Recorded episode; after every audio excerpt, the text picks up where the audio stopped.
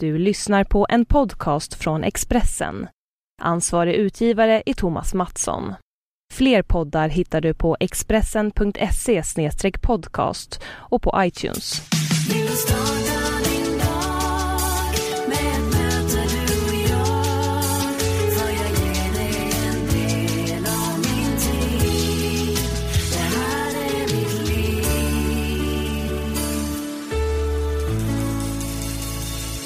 Välkommen till Livshjulet avsnitt 85. Hoppas att du har en härlig sista vecka nu innan jul och att du lyckas hålla decemberstressen på en rimlig nivå. Veckans gäst det är Jenny Alvesjö som du känner igen från både Kalla fakta och Nyhetsmorgon. Intervjun gjorde vi i måndags och Jenny kom direkt från en tidig Nyhetsmorgonsändning. Varsågoda, här är Jenny Alvesjös livshjul. Välkommen hit! Tack så mycket, känns jättekul att få vara här. Ja, mitt i julruschen, det är sista veckan här nu innan, innan julafton och allt. Jag vet och jag kämpar för att inte bli superstressad men jag tycker att jag har ganska bra koll. Våra barn är stora nu och eh, det är mer fokus på saker till dem som de verkligen vill ha och man kan verkligen kommunicera att nu blir det inte så mycket utan nu blir det här och det tar ner stressen. Och sen har vi lagt ner det här med julklappar till vuxna i vår familj och det känns jätteskönt det skapade enorm oro. Det är svårt att hitta på julklappar till folk, så vill man gärna att det ska vara bra och genomtänkt och alla de där kriterierna. Så jag känner mig rätt, eh, jag känner mig rätt lugn. Mm. Hur mm. firar ni i år då? Ja, vi kommer nog att eh, inleda julafton hemma faktiskt. Jag sa nej till att sitta och åka ut ända till Vallentuna till min moster. Det är jag lite stolt över för mm. att eh, det hade tagit för mycket tid och eh, bara sitta i bil på julafton är kanske inte så roligt för barnen heller. Utan vi kommer inleda hemma tillsammans med min svärmor och hennes man och sen så kommer vi vara hos min syster på kvällen och öppna lite julklappar. Ganska lugnt, trevligt och ta det lugnt. Men jag jobbar faktiskt på juldagen i år. Så jag kommer ju jobba på julaftonskvällen då och förbereda programmet. Juldagen är en jätterolig dag att sända Nyhetsmorgon på faktiskt. För det är många som tittar då. Ja, då går du upp klockan tre på juldagsmorgonen då? Ja, precis. Där fick du ihop matten rätt. ja. Så det blir tidigare. Jag tror att vi börjar sända en timme senare, så lite senare, kanske säg kvart i fyra då.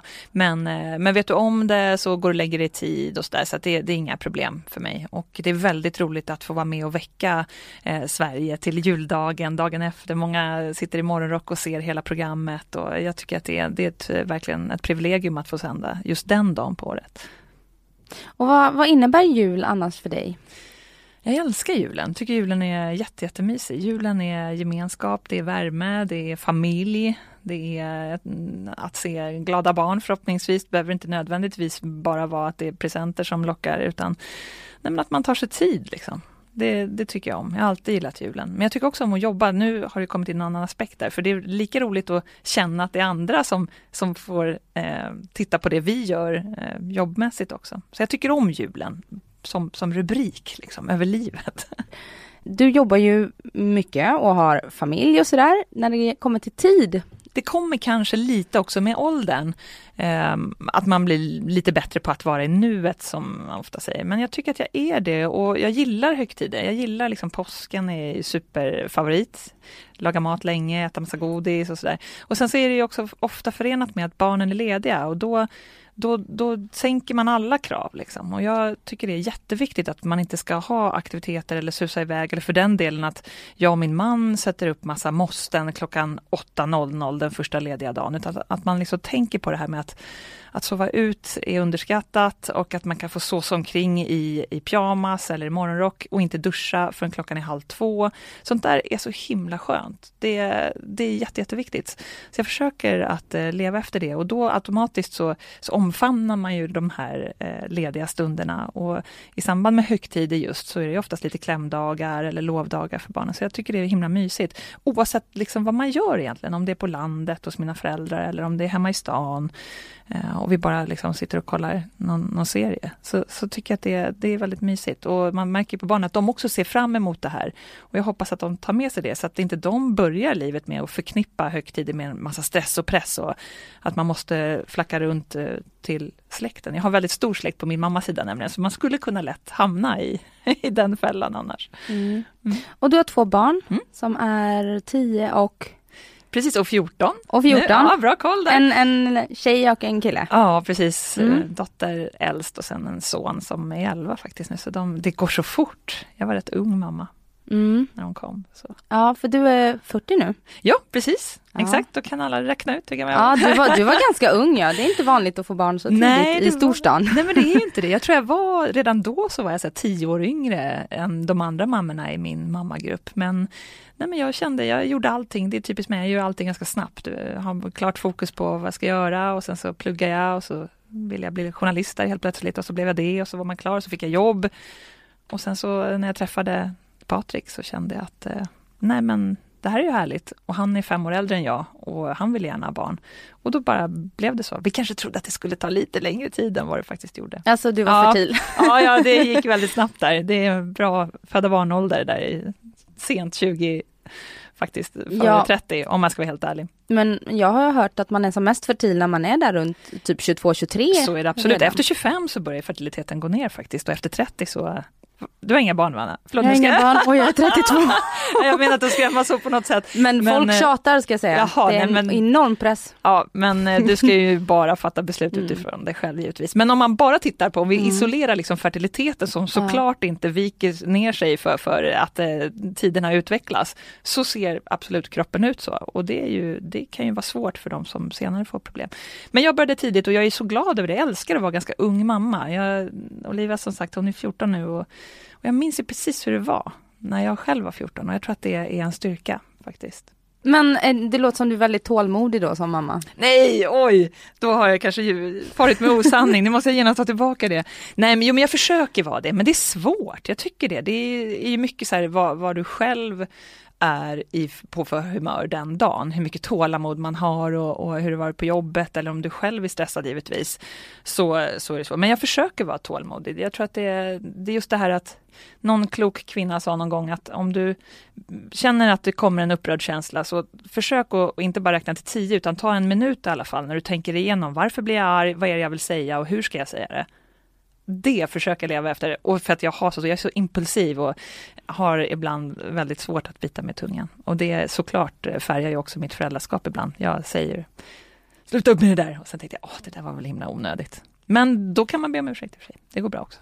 Har din man ett mer eh, 9 till 5 jobb om man säger fasta tider? För du jobbar ganska oregelbundet om man tänker tidiga morgnar ibland och intensiva projekt med, med mm, Kalla fakta och sådär. Ja. Jo, nej, men nej, han hade, vi, vi träffades faktiskt på, nu står vi och tittar ner här på en eh, radioredaktion och när den Mm. redaktionen fanns på ett annat ställe här i Stockholm så träffades vi där. Då var Patrik eh, jobbade på säljsidan och jag jobbade som programledare. Eh, Och då hade han ju det, men nu för tiden så är han faktiskt egen företagare och det underlättar ju just när det gäller tid. Så för idag så känner jag att, jag menar, dygnet är ju egentligen, det, det börjar ju inte och slutar inte utan det, det fortsätter hela tiden. Och eh, behöver en kund honom så måste han ta sig den tiden oavsett vad klockan är på dygnet. Och eh, det innebär ju också att behöver familjen en så kanske han har möjlighet att ta sig den tiden för att han har inga andra, ja, han kan bestämma sitt eget schema helt enkelt. Så jag hoppas att det här med kontorstider i framtiden blir, luckras upp lite mer. För jag tycker inte att livet ser ut så. Behoven ser framförallt inte ut så. Om man jobbar med ett kreativt yrke och, då, och det krävs av dig att du är just det, att kan tänka fritt och liksom skapa, då är det ju svårt att bestämma att mellan liksom 8 och 11.30 ska du vara jättekreativ, för det har någon bestämt här utifrån ett schema och nu ska vi göra det i grupp. Jag tror inte att människan eller kroppen funkar riktigt så. Många kan säkert prestera så, men jag tror att eh, för att vi ska få fram de bästa innovationerna och kreatörerna så, så måste nog det här med begreppet kontorstid liksom eh, ses över för att eh, den generationen som kommer Eh, behöver nog det på ett annat sätt tror jag. Och om vi pratar om ditt jobb, eh, du pluggade ju då i min hemstad Jönköping på Södra Vätterbygdens folkhögskola. Ja, precis! Att Ja. de pendlade varenda helg gjorde jag faktiskt. eh, Oj, du gjorde det? Ja, jag, jag idrottade i Stockholm så de behövde mig här uppe så att jag satt och åkte ner. Så jag kan den där sträckan ganska väl med alla olika färdsmedel. Ja, bussen, jag åker inte den längre. Nej, där har man suttit, men då fick man mycket gjort i och för sig. Mysigt att, att läsa och så. Tåget funkade också toppen, men Jönköping, nej men det ligger mig varmt om hjärtat. Jag tycker om den stan och den ligger ju jättevackert där nere. Och eh, skolan låg väldigt fint på höjden och många utav de klasskamraterna jag hade då är mina arbetskamrater idag, vilket är väldigt, väldigt roligt. Ja, du gick i samma klass som Tilde. Precis, exakt. Paula. Ja, Och eh, någon mer läste jag, någon man. ja Jesper Börjesson och Ulrika. Bergqvist gick i klassen över. Så Ja. Rickard Sjöberg hade precis gått ut året före och så, här, så det är jättemånga som har gått där. Mycket stjärnor som föds i Jönköping. Ja, det fanns inte så många att ta av. Och sen jobbade du med radio i många år innan du eh, gick till tv. Ja, precis. Jag började, min första tjänst var faktiskt, jag fick jobb som, som eh, programledare på TV4 faktiskt nere i Malmö på lokal-tv där nere. Och jobbade ett tag, men sen så blev hemlängtan för stark och jag saknade min familj och kände att eh, det var lite för ensamt sådär på kvällarna efter sändning när jag åkte hem till min lilla eh, studentlägenhet faktiskt, var det enda jag kunde få tag på i Malmö där. Och det, ja, vi, det låg i ganska tufft eh, så här, område nere i Malmö, så det var kanske inte så här supertrevligt. Det var inbrottsförsök och jag satt där och var lite rädd och ledsen och då, mamma. Och då så sökte jag ett jobb i Stockholm på radion just och eh, fick det, så så kom jag upp och sen så blev jag kvar här uppe. Men jag är jätteglad att jag ändå har jobbat och bott i Malmö. Jag har pluggat i Göteborg så att man ser andra städer, jag tycker det är viktigt. Ja, det är lätt att bli inskränkt annars. Ja, nej, men framförallt när man, jag menar jag har bott i Stockholm hela mitt liv och mm, ja, Stockholm är så fyra generationer bakåt tror jag, så det är väldigt mycket Stockholmsaner, så jag tycker att jag tog det på mitt ansvar där att eh, försöka bo lite i resten av landet och se, jag tycker det är viktigt också i, i det yrket som vi har som journalister, att, att man eh, ser mer än bara där du är född och uppvuxen. Och du har ju enligt mig två riktiga drömjobb. Dels TV4 Nyhetsmorgon och Kalla fakta. Ja, Ehm, berätta. Ja, det måste jag hålla med om. Det, det är sant, jag har faktiskt det. Jag mår väldigt bra, tycker det är väldigt, väldigt roligt och är väldigt glad över att eh, få jobba med just de två produktionerna. Kalla fakta är ju, det är ju drömuppdrag givetvis. Jag fick frågan för ungefär ett, drygt ett år sedan faktiskt, när jag, i januari, när jag stod där på, på kajen på Lanzarote och skulle fatta ett stort beslut om hur det här året som precis nu snart är slut, 2014, skulle se ut för min del jobbmässigt, uppdragsmässigt. Och eh, då lutade det ju verkligen åt att jag skulle göra något helt annat. Men då så stod jag där med den här havskappseglingsdräkten, precis hade dragit över den över huvudet och så kom de och ropade ah, Jenny, Jenny, got a call from Sweden here. Nej, men jag ska ut och segla nu tyckte jag ungefär. Nej, men du kan vänta. Nej, men du måste nog ta det här, för nu har man ringt liksom femte gången här. Och då så var det, då var det TV4 som ställde frågan om jag ville bli ny programledare för Kalla fakta. Och då kände jag på en gång att ja men självklart, det kan jag inte tacka nej till. Det är ett program som jag har vuxit upp med och, och eh, att få jobba med samhällsgranskande journalistik är ju en otrolig förmån. Så att eh, valet var faktiskt ganska enkelt. Vad var det du funderade på att göra om du inte hade fått det här uppdraget då? Ja, det, det är faktiskt, eh, det var ju en otroligt knasig grej att jag ens fick frågan, men jag har alltid seglat faktiskt i min ungdom och sen så fick jag frågan om att segla Volvo Ocean Race som just nu pågår ju. I, eh, sent igår kväll så kom svenska båten SCA, Team SCA, in i hamn i Abu Dhabi och jag fick frågan om att jobba som ombordreporter. Det finns en reporter ombord på varje båt och eh, då frågade de om jag ville bli på den här båten då, helt kvinnlig besättning, första på tio år faktiskt som seglar Volvo Ocean Race. Och utmaningen är ju, först så trodde jag det var ett skämt när jag fick frågan givetvis. Men sen när jag började inse och läste in mig på det här, tänkte att jo, men jag kanske skulle kunna fixa det här. Men det hade ju krävts då, eh, ja, nästan hela det året i förberedelser, från januari till oktober, att komma i fysisk form och så vidare och ladda inte minst mentalt inför ett sånt eh, enormt tufft race. Och sen segla jorden runt och vara borta i ett år tar det ju från familj och vänner och allting och bara leva ombord på den här båten med tio andra kvinnor.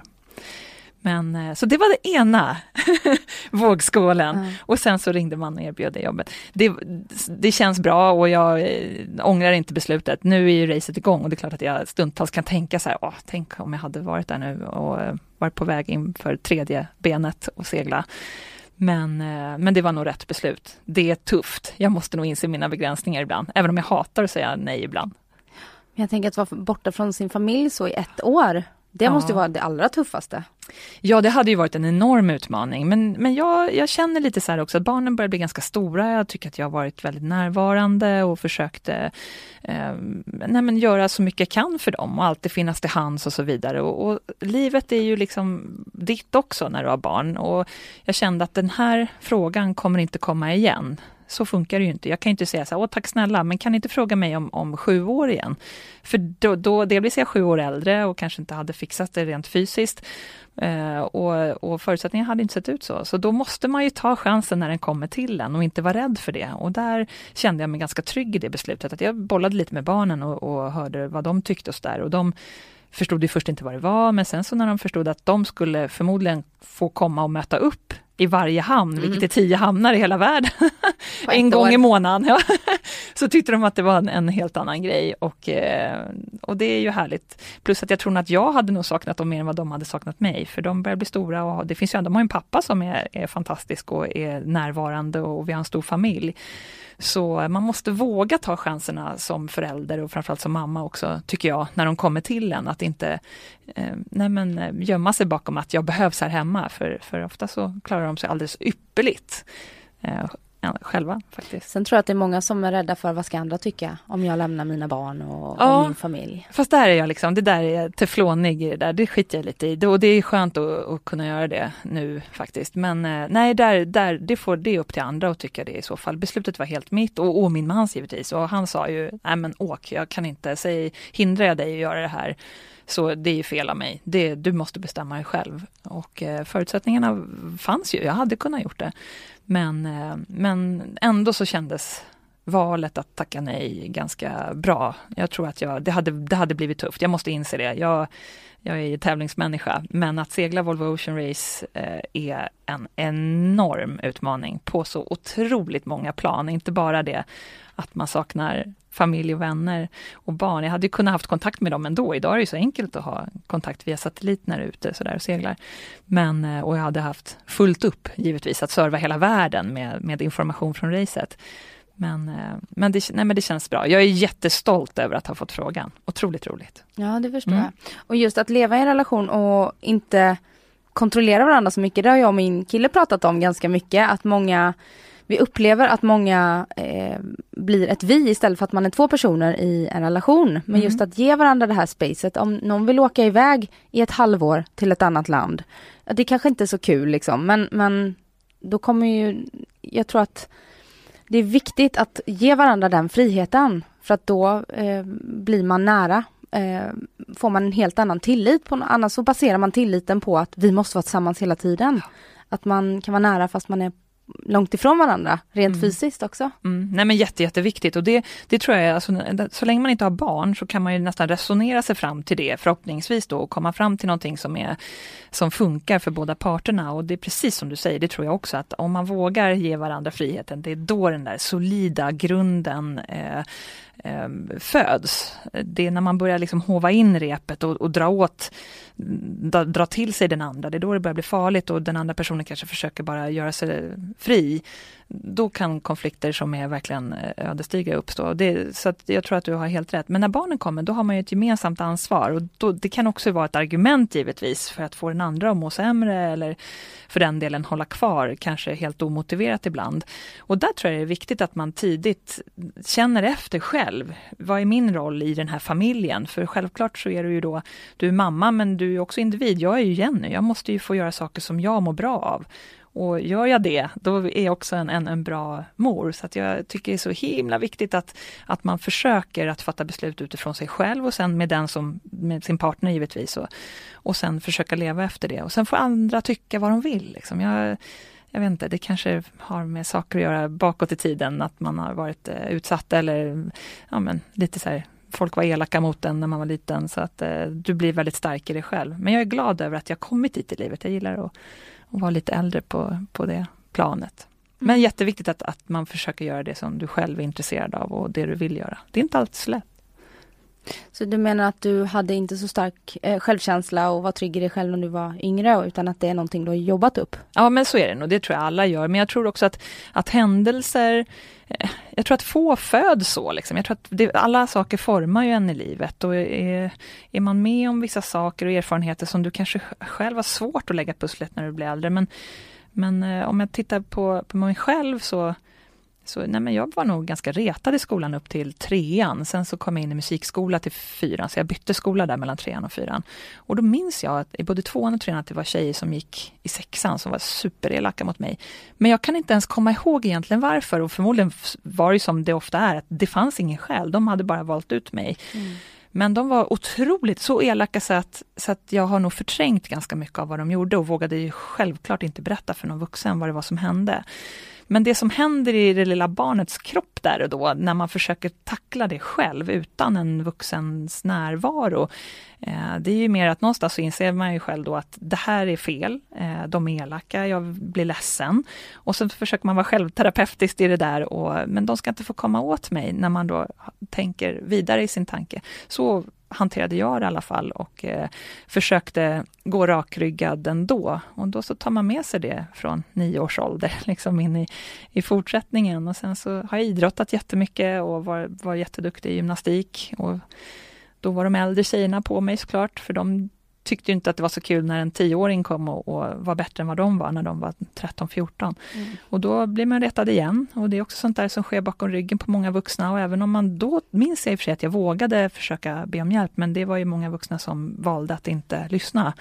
Otroligt farligt. Man måste vara så lyhörd som idrottsledare. Och där sträckte den också, men där visste jag att jag var ju bra. Jag var ju där för att eh, det var ju tävling. Liksom. Den som är bäst vinner, punkt. Så det spelade ingen roll vad de sa. Och så, det var det jag menade, att det liksom bygger på. Erfarenheterna från, från barn och ungdomsåren tar man med sig sen in, i vuxen ålder och sen så försöker man liksom knåda ihop det och, och forma ett nytt jag med nya erfarenheter och, och liksom insikter. Så här i vuxen ålder, har du gått i terapi för att, att reda ut det där eller har du varit själv, eh, självterapeutisk ja. nu också? Nej, men jag, nej, jag har faktiskt inte det, inte på det sättet. Jag och min man gick och pratade lite när det var, vi har varit tillsammans väldigt länge, det är ju 15 år nu. Uh, och då var det lite kämpigt där ett tag och då gick vi och pratade med, men jag tycker det är så svårt när det är en person som inte känner en egentligen, som ska sitta och, och um, ge en massa verktyg att lösa problemen. Jag, jag, har, jag är lite för otålig också, sitter lite och hoppar upp och ner i, i stolen. Samtidigt som jag känner att jag tycker om att försöka ta mig tid att titta inåt. Liksom. Det har jag gjort ända sedan jag var liten, så här, stänger in mig i ett tyst rum och bara, ja, men, ja, någon, någon, form av meditation är det väl i princip, även om man inte sitter liksom i lotusställning och hummar. Så är det mer så här att ingen musik, ingenting som stör, utan bara så här, försöka tänka till lite så här, varför mår jag så här, vad är problemet egentligen, hur ska jag göra för att ta mig vidare? Och det, det tror jag är viktigt och det kan komma liksom när som helst. Det kan vara man var ute och körde bilen och så körde man åt sidan och så, så bara tog man sig den där stunden. För den kommer egentligen till dig om du tänker efter. När du, när du känner att det nästan bubblar upp, så här, nu, nu känner jag mig lite olustig och känner att jag börjar bli ledsen utan att jag egentligen vet varför. Då tycker jag att det är viktigt att ta sig den där äh, fem minutaren och bara så andas. Och, eh, det, det är inte så svårt faktiskt. Och det kanske det man menar med att vara självterapeutisk, men jag är ändå den som känner mig själv bäst. Och eh, jag tror att det är viktigt att försöka våga lita på det också, att man just gör det och också tar det som föds där då är också att ansvaret liksom för att jag är den enda som har möjligheten att, att göra så att jag mår bra. För det är först när jag bestämmer mig för att nu tänker jag göra det här. Nu vill jag må bättre. Det är då jag har kraften också att ta mig ur en situation som kanske inte är så bra. Så, så jag tror på, på, på det. Men jag har också respekt för alla som, som behöver hjälp givetvis. Ja. Man hittar sin egen väg. Alla måste få hitta sin egen väg. Men jag, jag känner att jag har dåligt tålamod och jag är lite skeptisk sådär när det kommer in en person som inte känner mig och ska ställa lite så random frågor om eh, mig och mitt liv och sen så ska de göra en, en bedöma mig utifrån det. Men Därför jag du står och rynkar pannan åt mig här nu. Nej det gjorde jag inte, Nej, det var busigt av dig att säga så eftersom det är ingen som kan se om vem som har rätt här. Det gjorde hon inte. Nej det gjorde jag, bra. For the protocol liksom. Ja. Nej det gjorde jag verkligen inte. Nej jag är väldigt ödmjuk inför att alla hittar sin väg men jag tror ibland att det, att det är att många eh, kanske hellre tar hjälp det är lättare att ta hjälp än att liksom titta inåt, förstår du vad jag menar då? Mm. Att det kan vara lite läskigt, liksom, för att ofta så vet man säkert lite i alla fall varför. Men att det innebär ju också att jag måste ta ansvar för den situationen på en gång. Om jag går och pratar med någon så blir man ju genast fysiskt två personer om, om det jag pratar om, även om det är jag som har, måste ha makten att ta mig ur det, så, så, så tror jag att det är viktigt att ha den där självprocessen. Nu får jag säkert hela Sveriges eh, ja, nej, men jag terapeut-elit på mig här. Men, men det är så eh, lätt att lägga ansvaret i händerna på någon annan. Ja. Eller fly in i missbruk eller vad som ja, helst. Ja, och det måste man ju få göra. Men, men någonstans ändå så här så är jag ute efter lite det här, men, men vi eh, själv är också stark liksom och vi kan och jag tror så mycket på individen och, och så. Så att eh, visst, och, och där hamnar ju ofta människor när man har fått den där hjälpen och det är strålande. Men men ibland så känner jag också att det får inte bli liksom en så här slentriangrej att uh, har du gått i terapi, alltså någonting som alla tar för givet och att, att det alltid blir liksom quick fix för att må bra.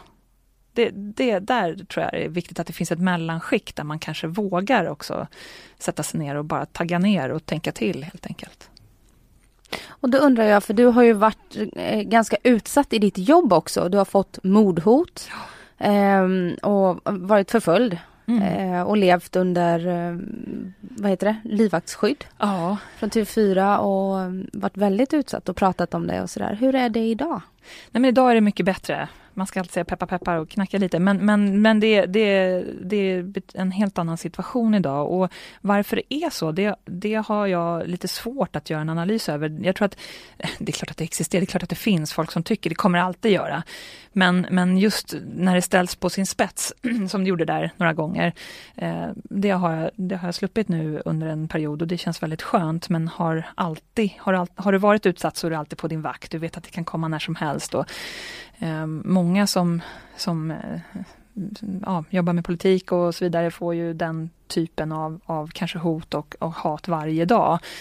Eh, och för mig blev det väldigt intensivt under en period och sen lugnade det ner sig. Jag kan eh, också tro att när du går ut och aktivt säger ifrån, att du visar att det finns en mänsklig mottagare, att det händer någonting, förhoppningsvis hos alla fall hos svansen liksom på de här trollen, att du kan kapa någonting. Det värsta, när man går ut och säger stopp. Och det, det var ganska skönt att få göra det. För mig själv, för min egen skull, så var det väldigt viktigt att, att få säga ifrån också. Annars så tar du ju och tar och tar och tar emot hela tiden men aldrig ges möjligheten att säga sluta. Så att det, det var viktigt och det är bättre idag. Men, eh, men det, det var en, en tung period. Men den, eh, jag är ute på andra sidan nu känner jag. Men det är erfarenheter som är väldigt viktiga också. Och tyvärr som blir bara allt mer viktiga eftersom det här försvinner ju liksom inte, utan det bara ökar hela tiden. Jag är djupt oroad över att vi inte kan göra mer idag. Med eh, näthat och den typen ja. av... Nej men precis, det är ju allting eh, det, det, det är ju sån enorm press på alla. Jag tror att jag är så himla rädd också att, att unga idag har vant sig vid en, en nivå av elakheter och ibland när det går över då till, till hat och, och olaga hot till och med, där de liksom inte förstår att det glider över på någonting som, som är kriminellt den, det samhället vill inte jag att vi ska acceptera, att, att det här är, är någonting som, som man får ta. Liksom. Och vi, vi snuddar, vi gränsar ju nästan dit nu. Det, jag tycker det är, det är otroligt oroväckande och jag försöker vara på mina barn att de, att de ska liksom ha en slags varningsklocka, att när de känner att det är någon som blir utsatt eller att om de själva får ta emot saker som som, som inte hör dit, att de vågar säga ifrån. Men det är också svårt. Alltså digitalt civilkurage, det är ju enormt eh, få som vågar stå upp för. Jag tänker på Facebook och så här, när, om du ser att någon fäller en elak kommentar, att du verkligen aktivt vågar gå in och stötta den som blir utsatt. Det är lättare att bara stänga ner datorn, eller hur? Och gå därifrån och ta en banan. Liksom. Ja, ja visst. Ja. Jag tycker Trolljägarna med Robert Aschberg var extremt bra att de gjorde. Ja, det tycker jag med. Jag tycker att det var en jättebra produktion och eh, önskar att det var min kanal som gjorde den. Jag hade verkligen velat jobba med den typen av produktion. Ehm, jag vet, många tycker det är fel att jaga upp och så, men, eh, men det här är också ett, ett sätt att, att visa Sverige vad som faktiskt pågår och vad som finns. Många förstår ju inte hur allvarligt det är om man inte själv har varit utsatt eller lever nära det eller ser det på nära håll. Och då är det så viktigt att, att man ökar medvetenheten så att vi tillsammans kan försöka påverka. Det tror jag är jätteviktigt. Så jag är glad att det finns en sån produktion.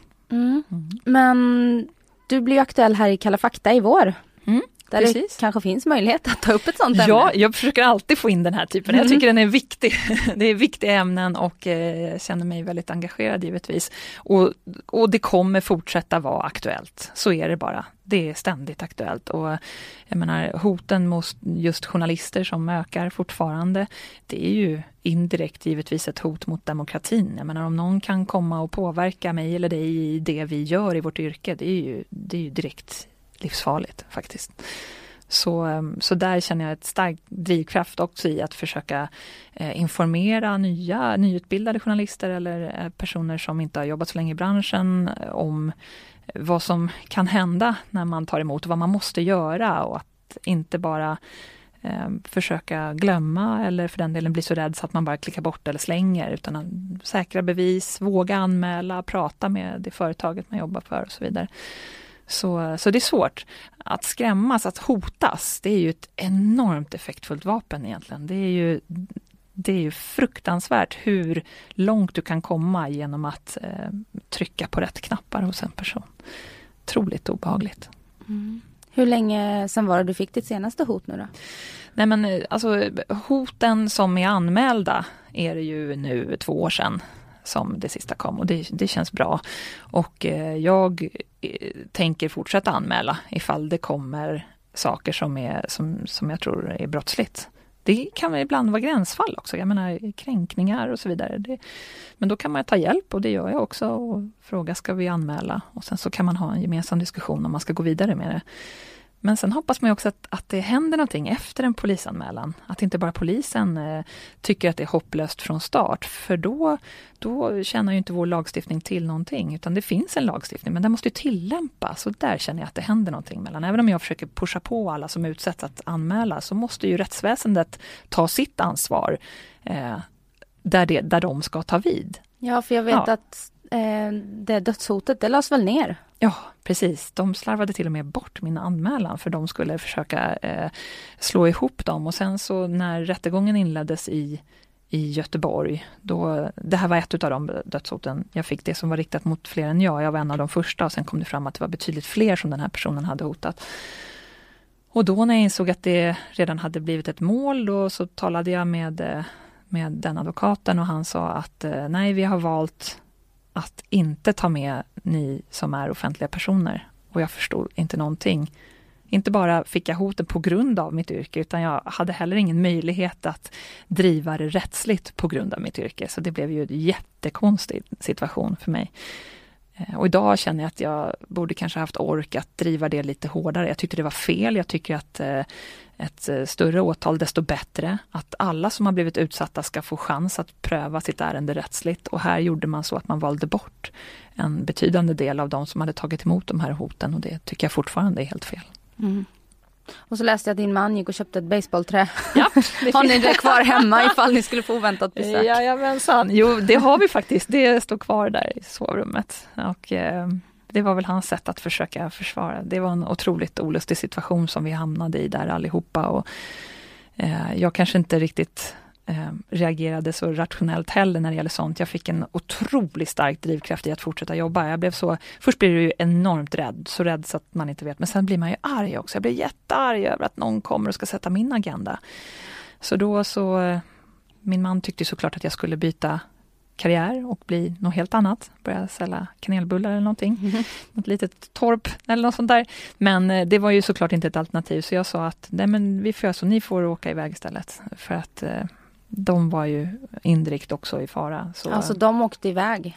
Ja, de hemma. evakuerades och jag stannade kvar hemma envis som jag är och ville fortsätta jobba. Och eh, det var viktigt för mig, det är lite upp på hästen igen, att våga sig sätta sig i en direktsändning när du vet att eh, gärningsmannen kanske tittar på.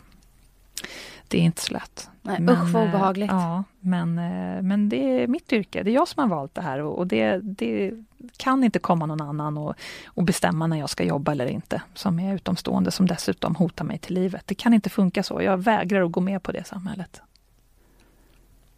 Bra. Och hur ser en jobbvecka ut just nu för dig? Ja, det är lite olika faktiskt. Eh, just nu så jobbar jag lite med Nyhetsmorgon. Då är det ganska eh, inrutat. Vi har ju möten och planerar morgonen efter och så vidare. Och sen så sänder man fyra härliga timmar. Sen är man helt slut. Och sen sover man lite och så är det på nästa dag igen.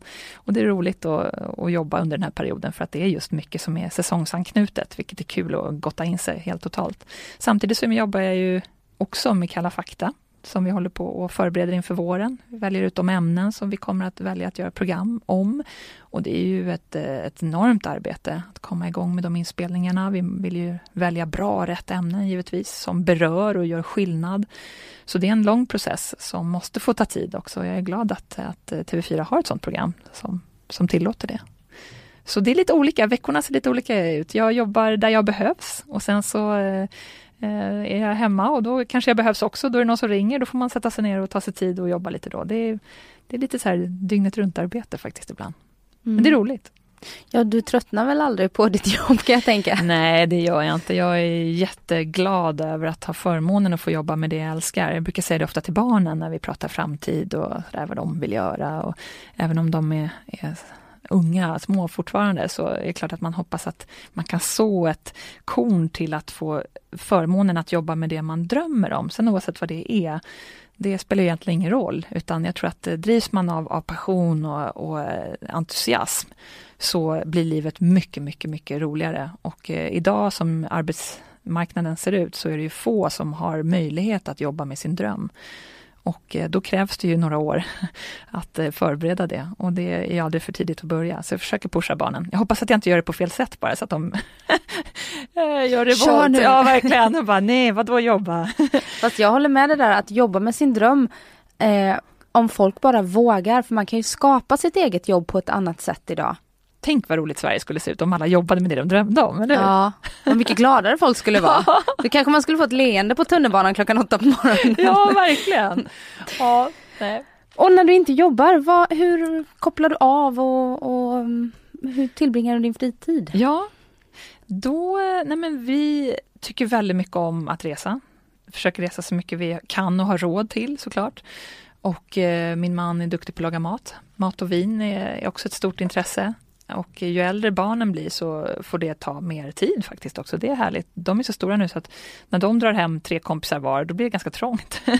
och då kan man eh, smita ner till en kvarterskrog och sätta sig och prata lite och också prova lite ny mat och bli lite kompis med personal. Och så. Jag gillar att vara stammis, jag tycker det är trevligt. Mm. Ja. Det gör jag också. Ja, jag, jag tror, fast jag tror att det kom från min lilla så här, småstads tjej. Liksom. Ja men hur, när man blir liksom så här, att folk hälsar på en, hej hej, och att jag också vet namnet på kocken och så här, och kan fråga om råvaror eller har ni någon dagens kvar? Åh, älgköttbullar, gud vad härligt. Och, vad sa, vad sa gästerna? Åh, de tyckte det var toppen. Jag har sparat en till dig här. Det är, så, det är så himla mysigt. Jag älskar det. Det är lite osvenskt. Eller i alla fall om vi säger, så kanske Jönköping är fri. Men, men i, i Stockholm så är, är, är det inte så vanligt att, att man har den liksom, eh, kommunikationen och dialogen med, med restaurangpersonalen. Jag tycker det är urhärligt, jag älskar det. Mm.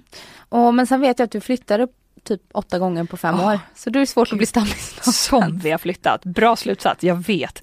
Äntligen nu så, så har vi bestämt oss för att bo där vi bor och vi har bott där i två år nu. Så att, så att nu har vi blivit stammisar. Nej men visst, vi har flyttat runt mycket. Det är också ett sätt att liksom röra sig uppåt i bokarriären mm. eh, och, och, ha möjlighet att göra det. Det hade varit svårt för oss idag med två stora barn när vi behöver tre sovrum att kliva rakt in i en bostadsrätt i Stockholm. Det är ju liksom det är ju nästan helt omöjligt. Och mm. eh, det är blandat med ett enormt intresse för eh, det här med boenden och har gjort att, eh, att, vi har, att vi har lyckats bra faktiskt. Och sen att vi har vågat också, det är jag jättestolt över. Vi flyttade ut till hus när barnen var, ja, Olivia var sex tror jag och Leo var tre. För att vi kände själva att vi växte upp på marken och kunde få lära oss att cykla och, liksom, och känna eh, gruset från grusplan och sånt där och spela fotboll. Och, då ville vi ge det till barnen. Men det, det, det gick inte alls bra. Utan eh, vi var usla på att äga ett hus. Ingen ville klippa gräset och ingen vattnade rabatten och det var verkligen var bara... Var det då ni upp... kopplade in parterapeuten? Det var då, ja det var faktiskt det. det var då, ja, så var det. Det var då parterapeuten kom in i bilden. Nej men det där, det, det, man måste ha respekt för det också. Det är liksom, det är inte, huslivet är inte för alla. Idag hade det säkert sett helt annorlunda ut men då kände jag bara så här, nej, ska det vara så här liksom? Jag fick tunnelseende och tänkte att nu ska jag stå här och baka bullar och bara ta hand om barn resten av livet. Men ja, så hade det inte varit givetvis. Men så vi tog ett snabbt beslut eftersom skolor och vänner, skola och vänner är viktigt för barnen och vi tänkte att vi kan inte bo kvar längre än nödvändigt om barnen inte ska gå i skola här, utan då är det bättre att vi försöker bo där, där de också kan etablera en, en stabil grund. För annars så blir man ju väldigt rotlös. Och mm. där måste vi ta ett ansvar. Men visst, vi, vi flyttade åtta gånger tror jag, precis på nio år. Eller något sånt där. Det var väldigt ofta. Och idag bor ni i Stockholms innerstad? Japp, precis. Jag är grym på att packa dock, måste jag erkänna. Ja, det förstår jag. Ni kan ju inte ha så mycket onödiga grejer. Nej, sjukt snyggt i källaren. Ja, älskar att rensa ut. Ja. och hur bor ni idag då? Nej men idag bor vi bra mitt i stan, eh, ganska nära jobbet och eh, vi har faktiskt ingen bil, jätteskönt. Vi sålde bilen när vi flyttade för två år sedan och så sa vi att vi väntar lite med det inköpet. Och det har inte blivit av och det känns jättebra mot miljön, det, vi går mycket mer och eh, behöver man så får man åka kollektivt. Liksom. Det funkar toppen. Och jag trivs att bo i stan. Och behöver man ta sig längre så då får man väl hyra en bil då ifall det behövs i tjänsten eller om man ska, vi ska göra annat utanför stan. Men eh, jag gillar att gå. Det är bara klä sig rätt. Så man inte fryser. Gud, jag hatar frysa. Uh. Mm. Men, eh, men eh, det är bra sätt också att röra lite på sig. Helt enkelt, än att sätta sig bakom ratten. Det, det är en fälla. Mm, bättre för miljön också. Ja, jag vet. Det känns jättebra att jag är någonting i alla fall. Jag sopsorterar inte, så att det här är väl min kompensation. det är jag tvingad att göra hemma, så att det är, är inte av egen frivilliga. Men eh, bor ni i en trea då så att eh, barnen har varsitt rum eller hur, hur stort bor ni? Ja, nej, men vi bor, vi bor tillräckligt stort. Vi bor mm. faktiskt, eh, vi har det bra. Mm. Ja. Ska jag, jag säga så... kvadratmeter nu? Nej, det behöver du inte. Men jag såg en, en reportage i, om det var Expressens inredningstidning. Ja. Eh, där du hade berättat lite om, om, det såg ut som det var någon sån här torn Ja, precis, exakt. Jo men det är det faktiskt, det är en vindslägenhet. Mm. Uh, och den är väl lite så här, om du tänker ett, så här, ett loft i någon storstad utomlands, lite mm. sån i känslan. Den är väldigt ostockholmsk. Men det är lite typiskt oss att fastna för en sån uh, lägenhet som ingen annan vill ha. Den köpte vi, delvis för att vi fick ett jättebra pris då och för att den var tillräckligt stor med två badrum, var, är väldigt skönt att ha nu när man snart har två tonåringar hemma. Mm. Uh, så det också slipper bli bråk. Liksom. Sådär, vem som ska ha tillgång till badrummen. Och sen att alla, ja, nej, att vi fick plats helt enkelt. Men eh, man vill ju alltid ha något annat, så är det ju. Man slutar ju aldrig kolla ändå. Men vi trivs jättebra. Med lite tornrum där vi har lite tv-rum sådär. Så det är, det är väldigt annorlunda boende, men ingen insyn. Det värdesätter jag högt när vi bor mitt i stan. Att man kan röra sig helt fritt utan att vara orolig för att det står någon och och kikar in helt enkelt på vad vi sysslar med. Så det, det är väldigt skönt. Mm. Ni kan bli kvar i några år till om andra ord. Ja, det här är så pass stort så att vi, så vi får plats. Det var väl det som var drivkraften de andra flytterna, så där, att man, man ville ha att alla skulle ändå få sin lilla vrå och sin lilla säng i sitt rum och sådär. Um, så, så nej men det här, det här, här får vi plats faktiskt och eh, närheten till allt gör också att vi trivs enormt bra. Nära till till kommunala färdmedel för barnen, till skolan och sådär och, och, till jobbet kan jag promenera, ta 20 minuter ungefär. Så det, och jag vet ju var du bor, jag tänker inte säga det här nu med risk för stalkers och grejer, men du bor ju i, i Stockholms bästa ja. område. Nej, men jag kan, älskar det området. Ja, man kan inte bo bättre, jag är jätteglad. Nej. Och det är ändå en, en, del där man känner pulsen, det tycker jag är viktigt också. Jag har bott på andra ställen i stan där det är liksom helt dött ungefär. Man är så här, hallå, Deo, mm. liksom. Mm. Men här så går jag ut på gatan så ser jag människor och det är viktigt för mig, det är viktigt för barnen tycker jag, säkerhetsmässigt också, att det rör sig människor runt omkring. Det, det är väldigt fint. Så att jag, nej, jag är väldigt glad. Mm. Kan vinka till Steffo Törnqvist, han bor ja, tvärs över gatan. Det. Du blir aldrig kvitt honom, både på jobbet och privat. Ja, det gör ingenting. Jag tycker om Steffo väldigt, väldigt mycket. Ja, jag tycker också om honom. Han ska mm. få komma hit tänkte jag om han vill. Ja, det är klart han ska göra. Han har ju mm. oerhörda framgångar nu med sina böcker och allt. Ja, ja visst. Ja. Kan det ha med Let's Dance också att göra? det kan det säkert ha, med vilken insats han gjorde. Ja, det gjorde han. Ja, jag tror alla på fyran vill vara med i Let's Dance. Så, nu har jag sagt det. Skulle du vilja vara med i Let's Dance? Ja, men det är klart, jag skulle inte vilja vara med. Det är jätteroligt, det är kul att tävla, det är kul att röra på sig, det är ett jättebra program tycker jag, jag älskar den produktionen. Eh, och jag tror att alla någonstans skulle vilja få frågan i alla fall. Även ja. om de inte säger det rakt ut så tror jag det. Och just när det kommer till hälsa och motion och sådär, vad, vad har det för plats i, din, i ditt liv? Ja, jag eh, jag har ju idrottat jättemycket som barn och ung, så jag känner att jag lever lite på gamla meriter faktiskt där. Jag känner mig fortfarande ganska stark och eh, ganska Eh, i form. Men jag kan inte säga att jag tränar varje dag på något sätt. Jag brukar försöka springa någon gång i veckan sådär. Och sen så när jag får lite dåligt samvete och tycker att jag har ätit lite för många kanelbullar på jobbet, då kanske jag slänger mig ner på mattan och gör 200 situps. Så väldigt sådär upp och ner i mitt tränande. Men jag tror att mycket är att jag försöker röra på mig, att man går istället för tar hissen eller bilen och så gör att, att du får någon slags vardagsmotion som ändå håller den i hyfsat bra form. Sen eh, tror jag att jag mm, liksom, i mina gener är, inte behöver kämpa med vikten och det, och det är jag glad för och har respekt för att andra inte har haft samma tur i genlotteriet. Men eh, jag tycker om att kunna äta det jag vill, men då måste jag röra lite på mig också. Men eh, jag får se nu. Det, säger sig i och för sig inte att jag har toppenvärden, för det syns ju inte utanpå. Så det där är jag lite orolig för. Jag måste gå och kolla kolesterol och sånt där. Mm. Men eh, kosten då? Din man är duktig på att laga mat. Lagar han hälsosam mat eller? Ja, han är jätteduktig. Han är nästan lite för hälsosam. Jag tycker om så här grädde och crème fraîche-såser och sånt där och eh, tycker vi äter alldeles för lite sånt för det är jättesmaskigt. Men nej, han är, han är duktig på att laga nyttig mat och eh, mycket grönsaker och, och så, långkok och så det, det är strålande. Jag är nog lite mer, gillar barnmat, liksom. tycker om makaroner och falukorv, tycker det är jättegott, älskar pasta. Um, men han försöker köra sån här bulgur och sånt där. Men, eh, men ofta blir inte jag mätt på så nyttig mat när det bara är en liten sallad och en liten köttbit, utan jag behöver äta det andra också faktiskt. Mm. Men jag gillar mat, tycker om eh, det mesta faktiskt. Och har du några laster som du skulle kalla laster. Ja, precis. Ja, nej men det har jag nog inte. Jag tycker att jag, jag har en ganska bra karaktär där inför godis och chips och sånt. Och, men måttlighet är ju en dygd, var det inte så? Så mm. man får försöka hålla i sig lite och inse att om jag inte nu har bestämt mig för att träna varenda dag, vilket jag inte har, då kanske man inte kan räcka i sig eller en påse chips liksom, om dagen, för då funkar det inte. Utan det är ju lite ge och ta och vara snäll mot sin kropp. Men eh, nej, jag tycker det är toppen att barnen eh, ser till att det då och då finns, eh, chok älskar choklad, choklad är jättegott hemma, vilket ofta gör och eh, min son tycker om lite smågodis och sånt där och då är inte jag sen att och haka på. Men eh, behöver sällan äta mängder utan det är gott att ta lite sådär. Så, så det brukar vi göra på helgerna framförallt. Sitta och ha lite det klassiska fredagsmyset. Det är mysigt, jag tycker om det.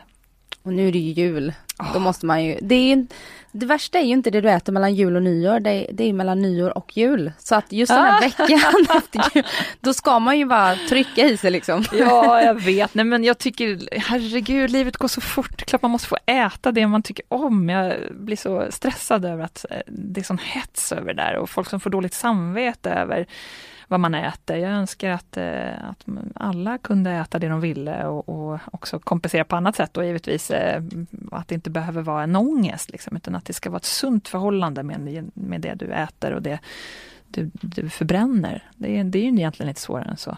Så mm, nej, men jag tycker om julen. Det, tycker om mycket god mat eh, och marsipan är jättegott. Det brukar jag äta bara på på julen. Så här marsipangrisar som man går och skär med kniv. Så mm, det är gott. Ah, så gott. Men din arbetsplats har ju, eh, det har ju diskuterats om den att uh, åldersfixering och utseendefixering mm. och sådär. Det har ju, har ju skrivits en del om det. Är mm. det någonting du upplever? Nej, inte, det kan jag inte säga att det är varje dag. Det är klart att, man, att vi diskuterar ibland och, och jag känner att, eh, att som kvinna så är det ju ett annat fokus på just utseende och man funderar på hur lång karriär vi kan ha och så vidare. Och männen kanske inte är lika utsatta även där då för, för den typen av ja, funderingar på det sättet att de har en lite längre livslängd i vår bransch. Men eh, jag vet inte, jag, eftersom jag har fått mycket kommentarer och, om utseende och, och sådär, så gör också att man arbetar upp en ganska bra eh, fasad och skydd mot, mot den typen av diskussioner. Jag menar, jag gör mitt bästa, tycker jag är duktig på det mitt jobb och jag hoppas att eh, min arbetsgivare tycker det också. Och så länge vi har ett gott förhållande så vill jag fortsätta jobba med det här. Sen så mm, varför sen och om den dagen kommer, då får man ju ta det då. Och, eh, sånt är livet liksom. Det, det är inte konstigare än så. Men jag är inte så stressad över det. Jag tycker det, det är väl vackert att åldras. Självklart så, så, eh, så, så tänker jag på det. Så är det. Men, Men ingen 40-årskris? Nej, jag tror att det var kanske den som gjorde, i så fall så var väl det som gjorde att jag stod där på Lanzarote och höll på att tacka ja till Volvo Ocean Race. det kanske man kan kalla för någon slags...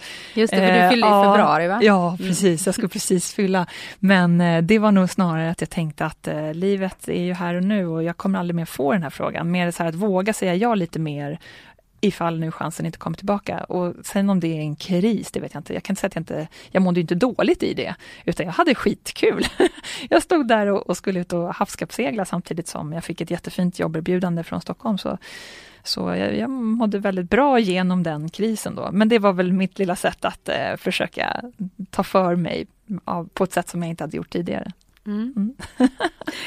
Och vi ska sätta lite konkreta betyg på, på tårtbitarna här nu, ska vi avsluta med. Mm. Och eh, det är ju från 1 till 10 på hur de känns just nu, mm. här och nu, där vi mm. står. Mm. Idag, denna måndag. Exakt. Ja. eh, och kärlek är den första och då är det främst din kärleksrelation i livet. För sen kommer familj och vänner som tårtbit nummer två. Jag förstår.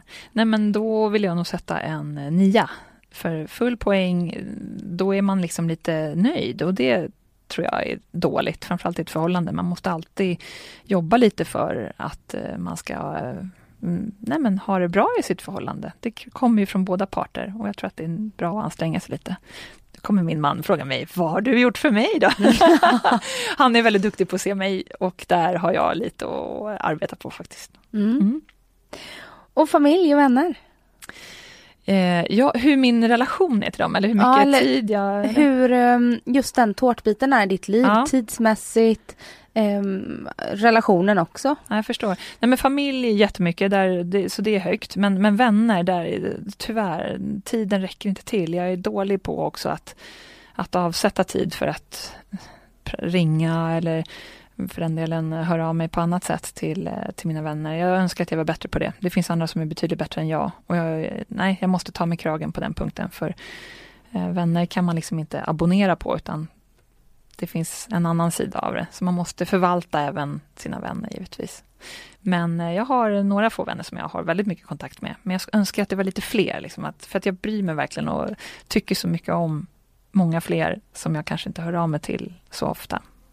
Och vad får den för betyg då? Ja, lågt, usch, typ en tvåa.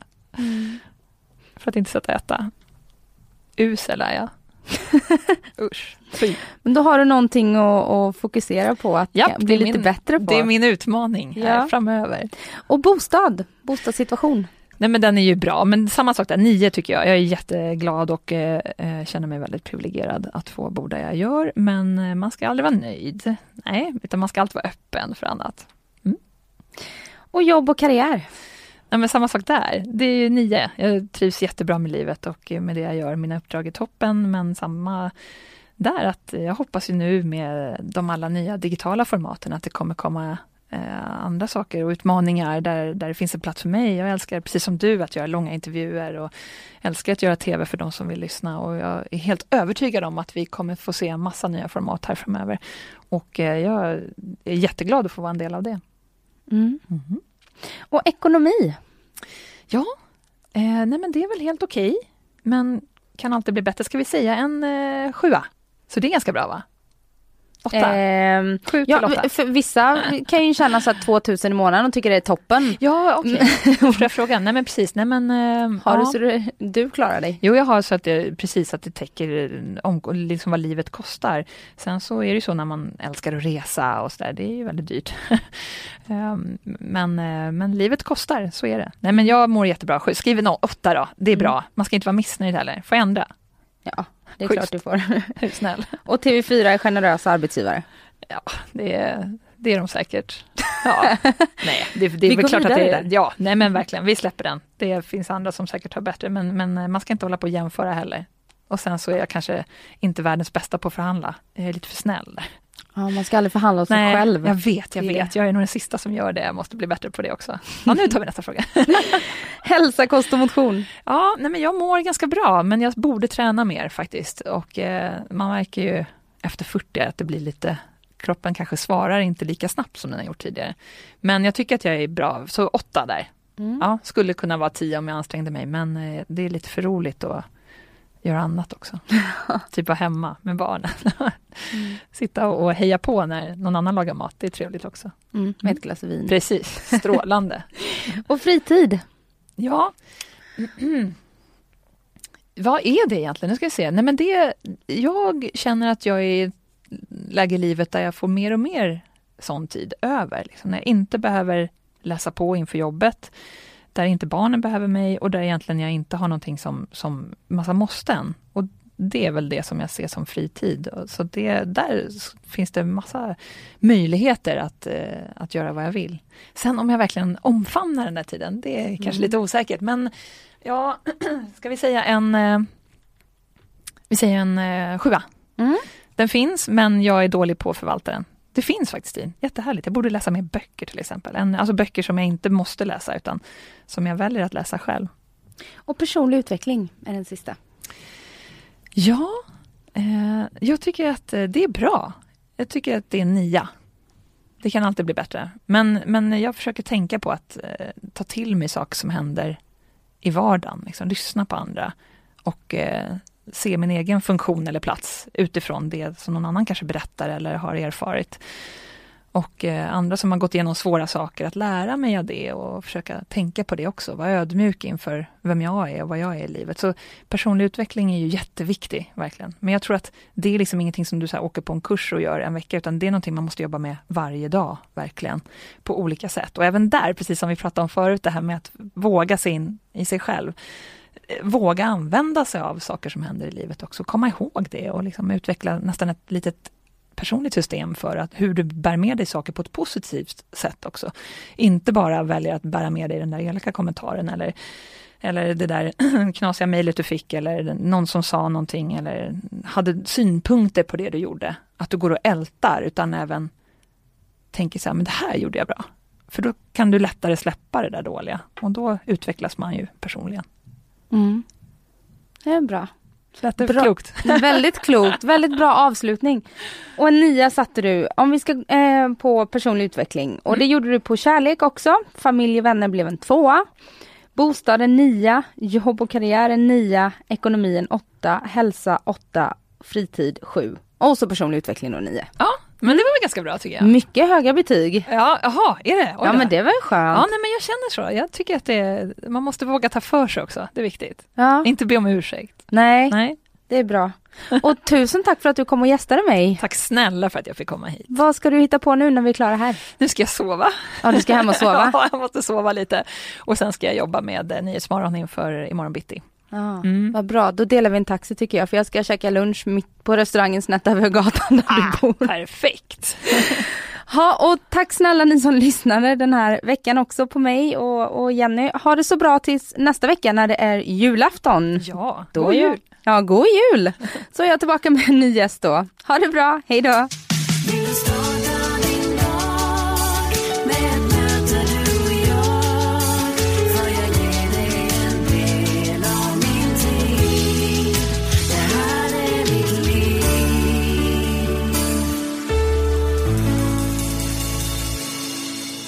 Du har lyssnat på en podcast från Expressen. Ansvarig utgivare är Thomas Mattsson. Fler poddar hittar du på expressen.se podcast och på iTunes. Nu är den stora färgfesten i full gång hos Nordsjö Idé och Design. Du får 30% rabatt på all färg och olja från Nordsjö. Vad du än har på gång där hemma så hjälper vi dig att förverkliga ditt projekt. Välkommen in till din lokala butik.